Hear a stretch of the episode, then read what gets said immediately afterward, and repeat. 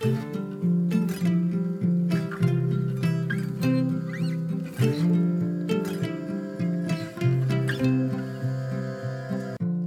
och välkommen till For Health med Anna Sparre. Idag får du lyssna på den kurs i tarmhälsa och autoimmunitet med Liz Lipski som Alpha Plus ordnade. Idag blir det ett första avsnitt om tarmhälsa där vi kommer in på saker som hur tarmen påverkar hälsan och hur kosten påverkar tarmen. Liz pratar om IBS, allergier och intoleranser med mera. Tack till vår sponsor Pro 30 Plus från Alpha Plus som gör det här avsnittet möjligt. Pro 30 Plus är ett probiotikatillskott med laktobaciller och bifidobakterier. Det innehåller 30 miljarder goda bakterier per kapsel. Lyssna i slutet av avsnittet för din chans att vinna Pro 30 Plus. Jag påminner dig om att det bästa från podcasten nu finns i skriftligt format som e-böcker. Du kan ladda ner dem på forhealth.se under fliken böcker. Tusen tack till dig som redan har laddat ner och också till dig som har lämnat en donation. Jag blir så tacksam och överväldigad när era namn skymtar förbi på kvittorna. Och du som redan har laddat ner, snart finns även kraften i naturlig tarmhälsa att ladda ner. Missa inte det!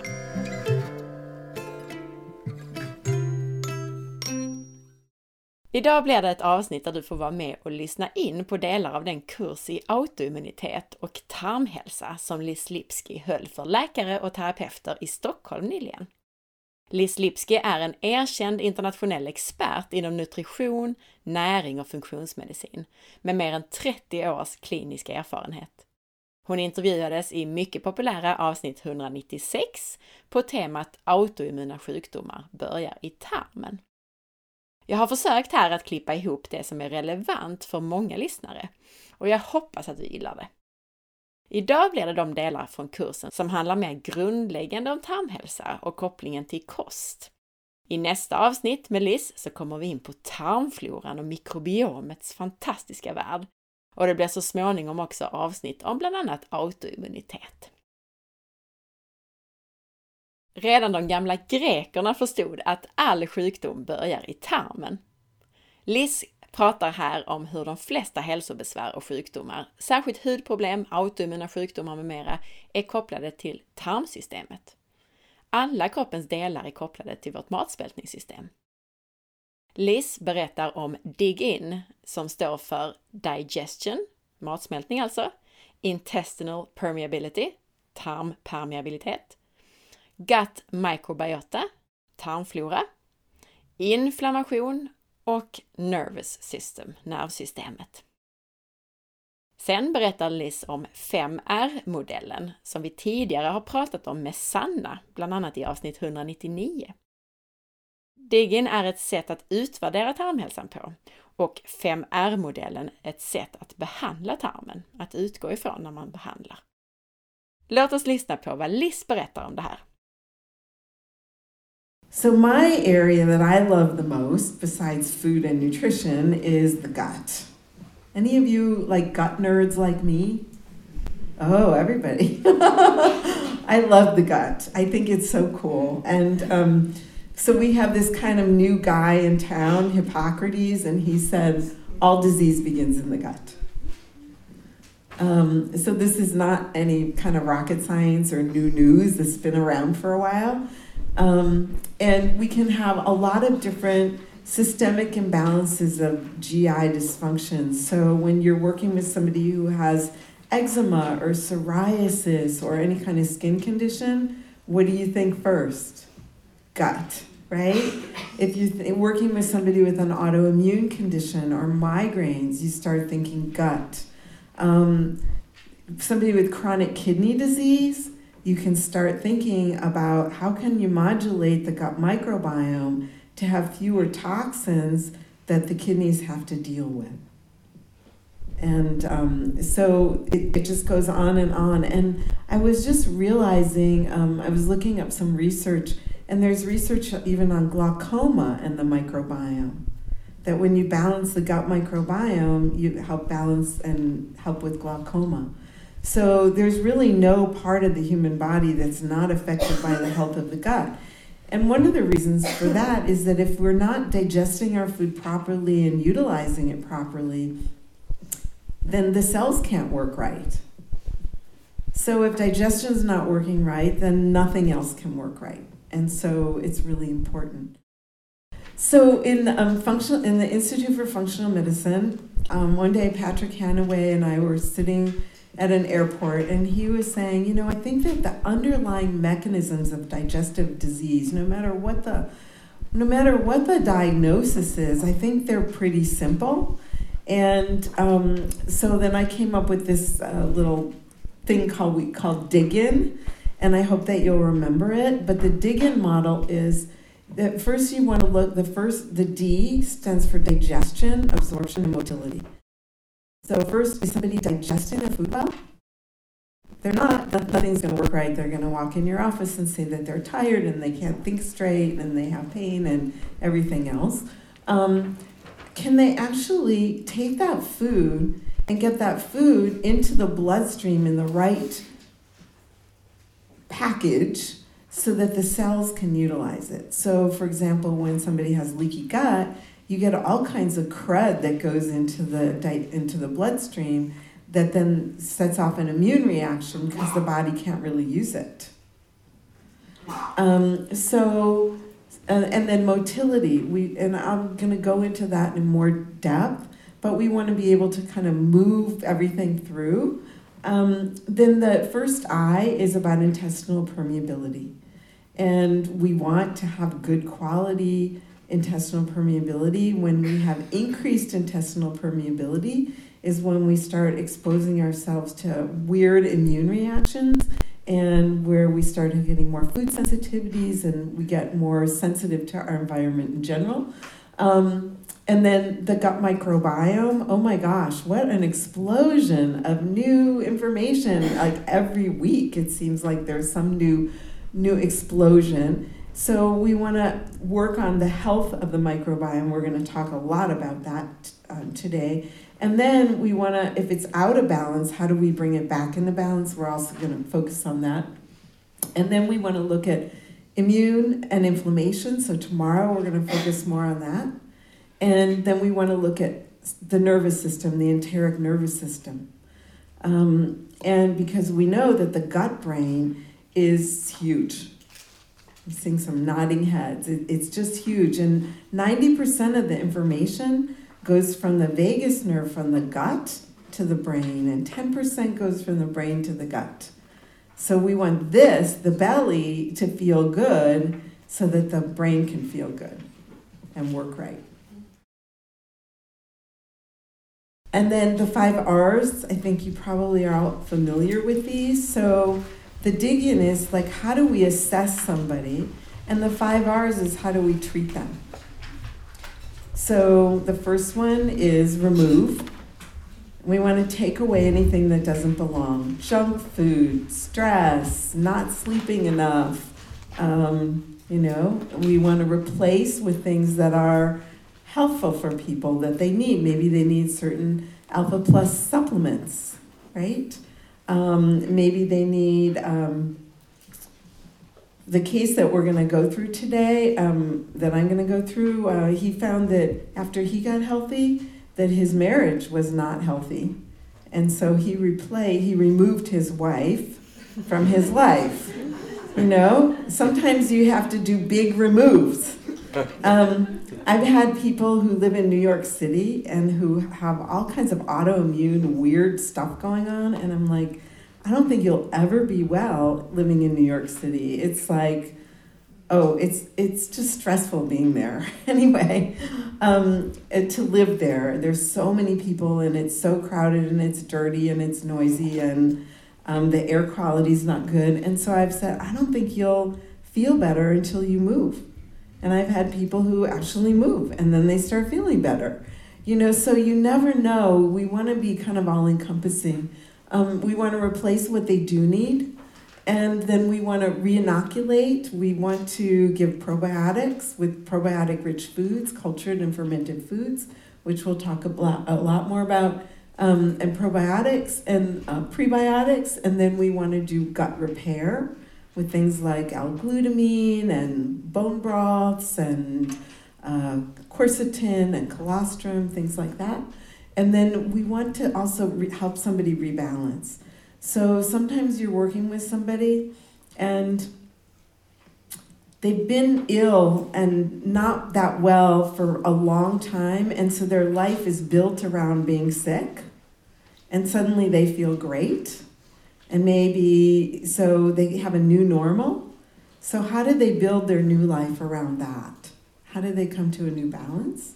And then there's also some people who have always been really well, and then they have a serious medical issue and maybe they're never going to be as well as they were before.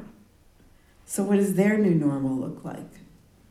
And I think that's part of our job is to help them with this coming to, you know, like, where am I now and what does that look like? Because, like, have you ever worked with somebody who, like, drinks alcohol or eats terribly and they're really obese?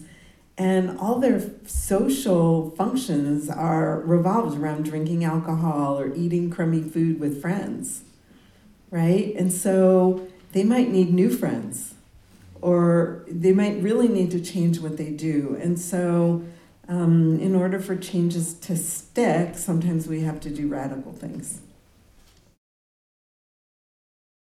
So Abram Hoffer was a Canadian physician a psychiatrist, and he um, worked with uh, people with schizophrenia, and he treated them with a lot of niacin and love, and treating them like they were normal, and even brought some um, some of them to into his home to work as housekeepers and nannies, and I mean he was really something. But he said the patient's been to more than four physicians, and nutrition is probably the medical answer. Så I love that one. Liz berättar nu om ett exempel, ett case, en man som heter David. David han var överviktig och hade kraftiga magproblem i form av IBS. Dessutom så hade han massor med andra besvär i form av eksem, depression, värk med mera, som Liz kommer att berätta om. Jag ska förklara att Liz nämner ATMs, vilket är delar i den funktionsmedicinska matrisen. Och just ATM-delarna i den här matrisen handlar om riskfaktorer, triggers med mera. Liz refererar en del till den funktionsmedicinska matrisen överlag och mer information om den får du i avsnitt 155 med Diana Noland. Och vill du se en mall för en sån matris, som man ofta då arbetar utifrån inom funktionsmedicin, så sök bara på Functional Medicine Matrix eller bara Matrix på forhealth.se så får du upp ett inlägg med en bild på den. Liz berättar om IBS, att det oftast är SIBO, men att IBS-symptom också kan vara saker som laktosintolerans till exempel, eller parasitinfektion eller liknande. Att det är viktigt att hitta orsaken till besvären. Hon berättar om kopplingen mellan magnesiumbrist och förstoppning hon berättar också lite om IBS utifrån den här Functional Medicine Matrix. Och hon pratar om celiaki, glutenintolerans.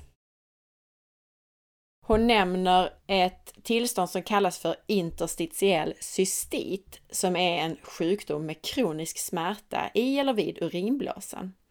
Och att de flesta som har den här sjukdomen också har SIBO. Och Liz tar slutligen upp inflammation och att det är involverat i stort sett alla hälsobesvär. So this is a man who came to see me. His name's David, and um, he was 48 at the time. He weighed 245 pounds, so that's um, what, like 110 kilo.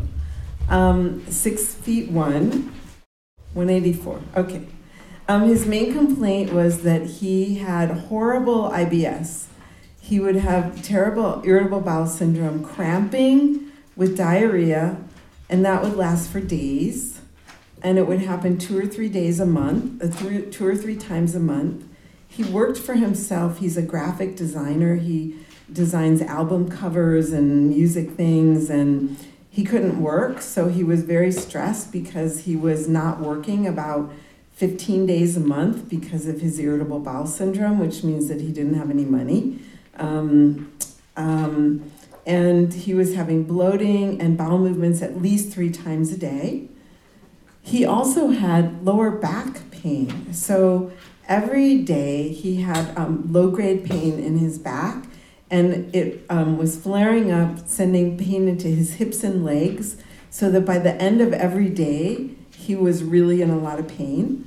Um, he also had arthritis in his hands, and he loves to play the fiddle, play bluegrass music, and he wasn't able to play because he couldn't hold his bow and he couldn't hold his, his violin. Um, he has eczema that he's had since he was a kid. Um, he has allergies, depression, um, low energy. He uses caffeine to get going. His legs are swollen by the end of the day. And um, what he says about his histories, he says, Oh, I can remember as a child having the same kind of irritable bowels. And I remember on my way home from school some days, I had to stop in the bushes and have a bowel movement because I couldn't even wait till I got home. What does that make you think of when somebody's so young and they. What? Allergies. Allergies. allergies. Anything else? Inflammation. Inflammation, okay. Um, I also think about maybe celiac that was never diagnosed. Okay?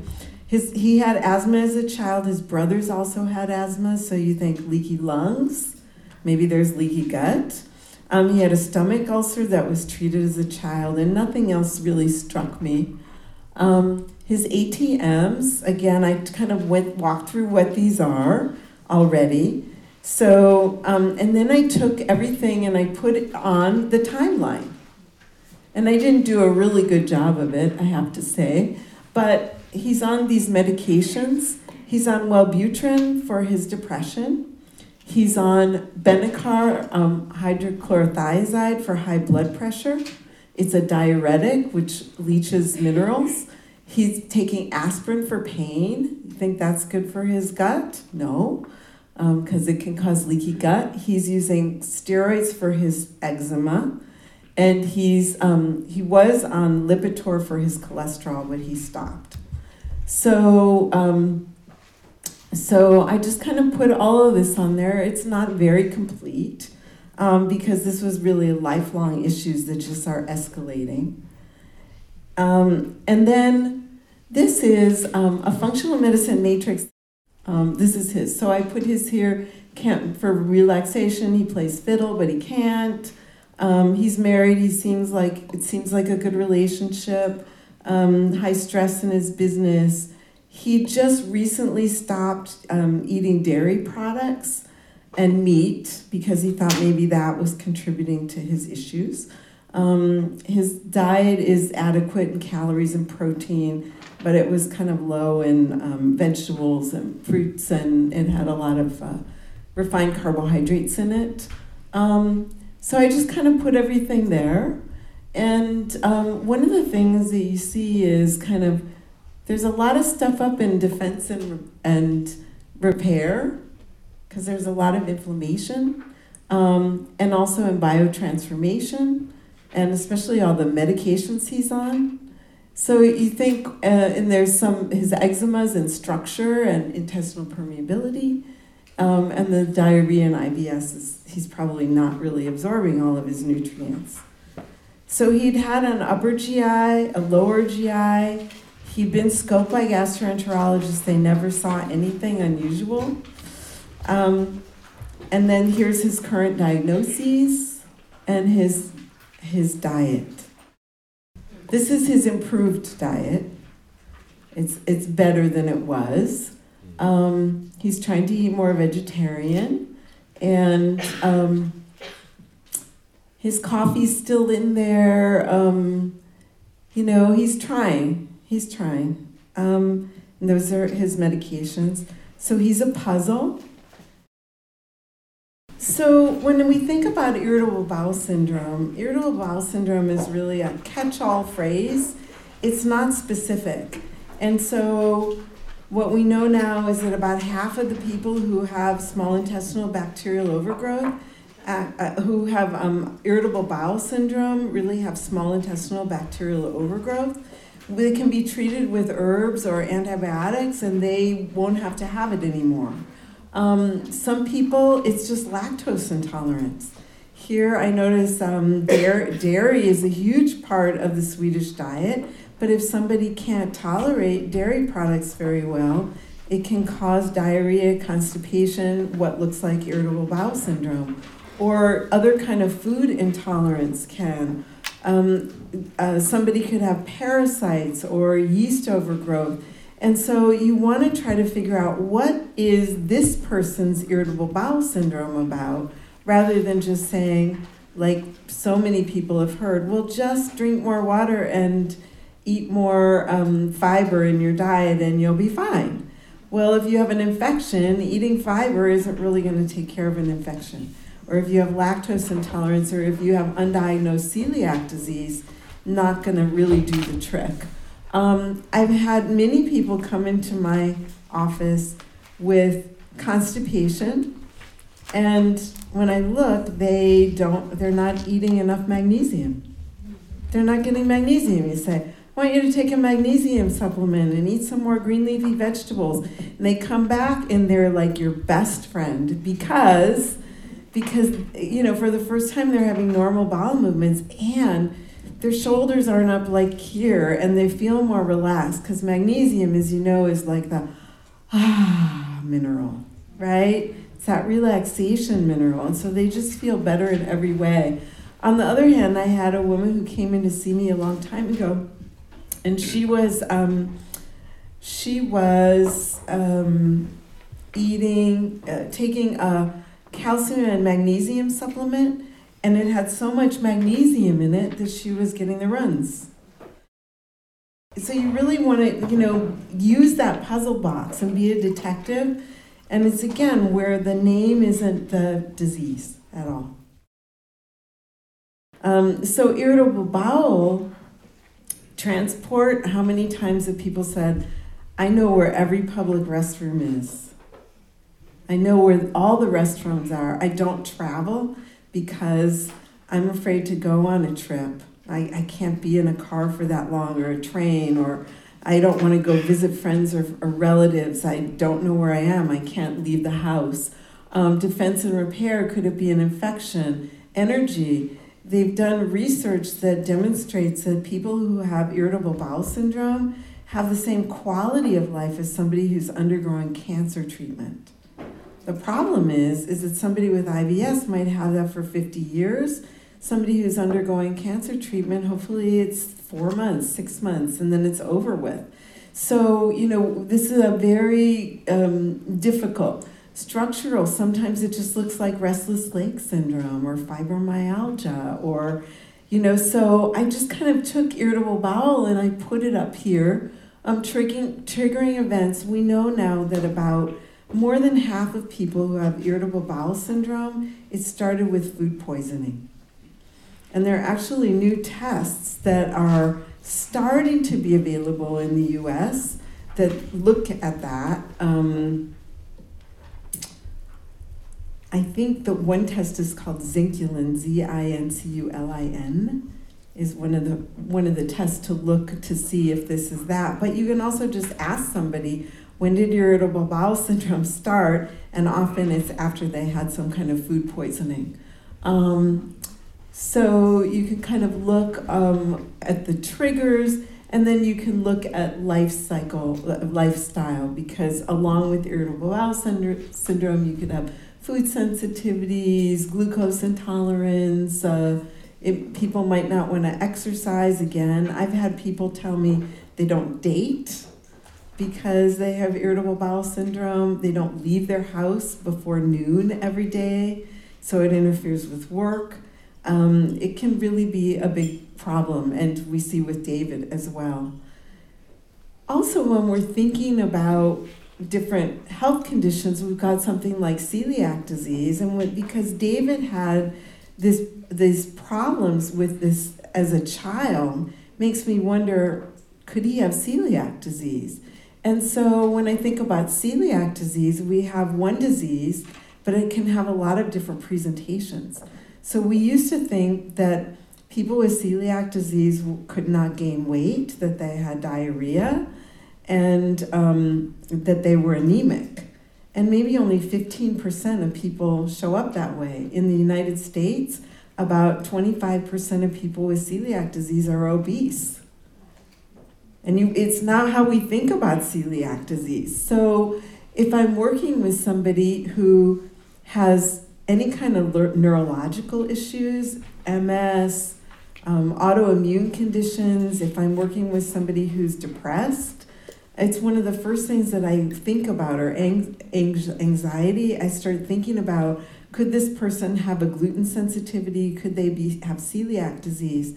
Um, women who miscarry, miscarry or are infertile makes you think, huh, what's going on there? Could they? Could they? Um, there's a woman in the U.S. named Alice Bast, and she had many miscarriages, and then she finally had a stillbirth of um, her baby, and uh, she went to her physician. She said, "You know, I heard about this disease you can get from eating wheat." uh, could that be something I have? He said, no, but let's test you. And there it was. Okay, so, um, and she started the Foundation for Celiac Awareness because she said most people don't know. It takes, in the United States, it takes the average person nine years to be diagnosed with celiac disease. That's a long time to feel crummy. Um, and rosacea, acne rosacea, you see in a lot of people. So, uh, chronic fatigue syndrome, interstitial cystitis. So, when we look at small intestinal bacterial overgrowth, sometimes people have irritable bowel syndrome like symptoms. Often they do, but sometimes their symptoms are fibromyalgia, restless leg syndrome, migraine headaches, rosacea, interstitial cystitis. We have one paper by Weinstock that oh, not controlled, but women who had interstitial cystitis, he um, did um, breath testing with them, and 81% of them actually had small intestinal bacterial overgrowth. When he treated them for the infection, about 80% of those women got better. So, um, interstitial cystitis is such a bad uh, condition. Chronic fatigue syndrome, acne rosacea, um, migraines. So if somebody comes in my office and they have migraines and fibromyalgia, and they have irritable bowel syndrome, I'm like, they probably have small intestinal bacterial overgrowth. So you want to start looking for the combinations of, of different digestive issues. And then inflammation, we know, underlies pretty much every kind of health issue. So you can have inflammation and cardiometabolic disease, arthritis, obesity, cancer, depression, pretty much everything there's inflammation that underlies it. So again, you know, broadening kind of our logic about all of this. Liz pratar om the western diet och hur vår mat idag skiljer sig från våra förfäders. Hon tar upp mättade fetter som rot till inflammation och tarmbesvär och hon syftar då på de mättade fetter från djur som är uppfödda med ett onaturligt foder som spannmål, soja med mera.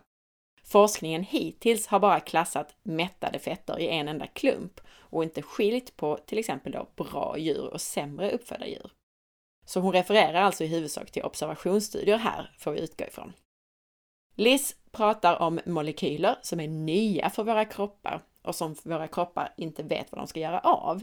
Som till exempel konstgjorda sötningsmedel och konserveringsmedel. And then start looking at the western diet. Um, the diet that people eat looks very different than the diet of our great grandparents in general. We, I remember being in uh, when I was about 23 years old, and um, going to the grocery store in the winter. And the variety of food that was there was what was available. There were root vegetables, there were some oranges um, in terms of fresh produce. Now, when I walk into your grocery stores, you've got fresh produce from all over Europe and the Middle East and all over the world. Um, so what we, you know, the variety is way better than it was before, but what we're eating is different because I see all the packaged foods too that I didn't really see as much of when I was there in the 1970s as well. So um, what we know from research is that um, the standard Western diet increases inflammation throughout the body. And one of the things I really hate to hear about is we keep seeing more and more research that shows that that saturated fats increase um, endotoxemia, which is leaky gut, um, and that that saturated fats increase um, increase inflammation. Now, those saturated fats were those animals that were raised in pastures organically we don't have that kind of research yet to say, oh well, you know, the big commercial commercially raised animals might have more inflammation as a result than eating the cow that was in your neighbor's yard. Um, we just don't have that information yet. Um, so, but we do know that that all of these kind of what Dr. Jeffrey Bland loves to talk about is the new to nature molecules, the new to nature foods that we're eating. And you know, we co-evolved over millennium to eat certain things, and over the last hundred years, what we eat is very different. And we haven't evolved, we don't evolve that quickly. And so our body doesn't know what to do with with um, artificial sweeteners. It doesn't really know what to do with a lot of the preservatives that are in foods. And so it causes inflammation, and we see this. Didn't any of you see that movie a long time ago, Supersize Me? Yes. You know, just 30 days eating McDonald's every day, what that did to his body. So, and people are doing that all the time. Liz kommer tillbaka till Davids case och pratar om överkänslighet. Hon pratar också om elimineringskost och annat. Och hur just rätt kost i rätt person kan ge fantastiska resultat. Men hon tar också upp att det fortfarande finns saker kvar att åtgärda, men att de inte kommer hela vägen eftersom David inte har råd att göra ett avföringstest. Liz nämner Helminth Therapy, vilket handlar om sätt att behandla framförallt immunrelaterade sjukdomar med hjälp av relativt ofarliga parasiter. Alltså man infekterar kroppen avsiktligt med parasiter. Och man kan säga att parasiterna hjälper immunförsvaret att hålla sig aktivt och inte överreagera mot annat i kroppen. So the initial plan with David was to ask his doctor to run, I think I gave him um, food sensitivity and food allergy test, um, which he took to his doctor and his doctor ran. I asked his, him to get a celiac panel. Um, and in the meantime, I began a comprehensive elimination diet for two weeks. And what that diet looked like was basically fruits, vegetables, fish, poultry, lamb, bison, um, olive oil, coconut oil, sunflower oil, herbs and spices, non gluten containing grains, but it didn't have any soy, dairy, gluten, sugar, alcohol, um, just pretty clean, no eggs. Um, so he came back in two weeks and he says, My celiac testing was all negative. Um, I did the elimination diet and I lost eight pounds. I have no gut pain. I've had no cramping or diarrhea. I have no hand, foot, or leg pain. I played my fiddle at a concert for three hours. Okay, this is the right diet in the right person. Um, my depression's lifted. I didn't start taking any of the supplements that you recommended because I recommended because of the diuretic he was on that he take some minerals. He didn't do that. His nasal congestion's cleared and he's going to just continue with the diet because he feels really good. Then he gets back his food sensitivity test, and here we can see dairy. The top bars are dairy, they're moderate. Um, milk itself is all the way up to significant. We can see egg is really high, um, egg white and yolk. Then we see gliadin high, gluten, malt is starting to head there, rye and wheat are all high, um, peanuts starting to be a little bit of an issue. Um, then we see he has a couple of fruits, so uh, raspberries and uh, raspberries and strawberries. It looks like, or I can't really see from here. Pineapple. Okay, pineapple and anyway, so a couple of uh, these. Um, green beans, kidney beans, which are significant because we're going to see more. Then this is more dairy products, blue cheese, Parmesan, ricotta, yogurt. You can see they're all a little elevated. Triticale um, and spelt both have gluten in them. So we now have double confirmation confirmation on gluten and and then um, more beans, navy beans, pinto beans. So we took beans out of his diet temporarily, um, and he said, Wow, I never knew eggs gave me problems. But then he came back and said, Eggs, I took eggs out and I noticed even more improvement. So in six weeks, um, without the eggs, now he's lost 18 pounds. He's got no arthritis, no IBS. He's off his antidepressant. He has good energy, not using caffeine. His eczema is still the same, and he's hypersensitive to gluten. Three months. He says, I never realized I'd feel younger. He goes, I feel 10 years younger. He found Belgian beers without gluten, so now he's a happy boy. He's lost 30 pounds, his energy level's high, and pretty much he's off all of his meds and he's feeling really great. His eczema was changing slowly, and he's still really sensitive to any little bit of gluten that he gets in. So I, I'm really happy, but I'm not convinced we've got the whole thing.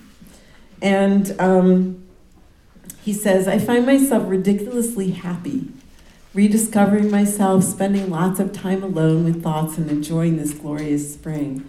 In, two, in the two year follow up, he's starting to slip. So he starts a different diet. Um, he starts a different dietary approach. He starts using a specific carbohydrate diet. Then he moves to the gut and psychology syndrome diet. I've recommended um, some supplements for his eczema, which he never takes. He doesn't like supplements, he's not going to do it. Um, and he's still not, he doesn't have the money to do stool testing. And so I'm like, well, maybe helminth therapy would be good for you because he won't do any testing. He doesn't have the money to do it. So he was a great, um, great to work with because he got so much better so fast, but there was still an underlying dysbiosis that we never really got to. That was still feeding things. So we did a lot of really good work, but we didn't get him all the way better. Nu är det dags för Liz att sammanfatta det här, kort och koncist. Well, the main takeaway from this first part, I think, is to really focus on the person you're working with and to be present with them and to try to figure out what's important to them and what makes them tick. And then and then we're going to start working into like how do you use a systems approach to really think about that person so that we're not just overreacting and saying, well, five people who have migraines all get the same thing because they have a diagnosis of migraines, but five people with migraines might get five totally different plans. So, how do we start thinking about that? And how do we use really food and lifestyle to bring somebody back into balance? Perfect. And that every, everything starts in the gut, right? everything starts in the gut. yeah we had that case about David. So, what's the main takeaways from David's case, you think? I think one of the main takeaways is that you can have somebody with a lot of different health issues and they're treated by different doctors with different drugs. But the root cause for all of his issues was really that he had a huge um, sensitivity to eggs and gluten and dairy, and that when we put him on the right diet, he miraculously changed in two weeks. and was able in three months to get off all of his medications and all of his health issues were resolved. So that's the first message is that the right diet in the right person can have a, an enormous effect. The second issue is that because he could never afford to do it, we never looked deeper and we never actually discovered, got to the root cause of what was driving all of his inflammation. So, despite the fact that he was really happy with how he felt, within a year he started to not have the same gains anymore. And it took more and more dietary intervention to try to rebalance him and keep him in balance when probably he has parasites or yeast overgrowth or bacterial infection that no, never got treated by a physician and really needed to be treated. Okay. So he would have needed to do stool testing, for example? Yes. I nästa avsnitt med Liz så börjar de riktigt spännande sakerna. Och då kommer vi in på vårt mikrobiom och pratar tarmflora, bakterieflora på olika delar av kroppen och en hel massa spännande kuriosa och fantastisk kunskap om det här området. Och du kommer att få ännu fler avsnitt där jag klipper ihop så att du får lyssna på relevanta delar av kursen med Liz. Det blir ytterligare ett par lite längre avsnitt och därefter eventuellt några kortare klipp på olika teman, som till exempel läckande tarm.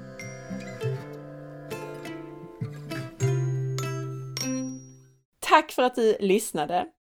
Du kan vinna Pro 30 Plus från Alpha Plus genom att dela det här avsnittet. Fem personer vinner varsin burk med probiotika.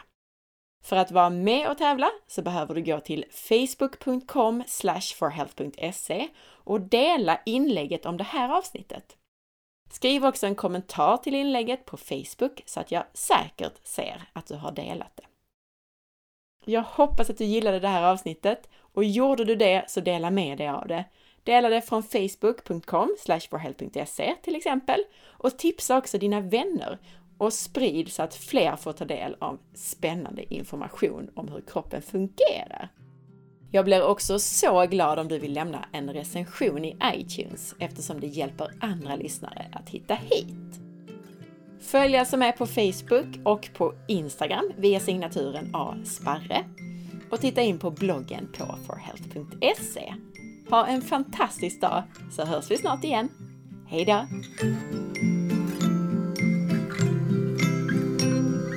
thank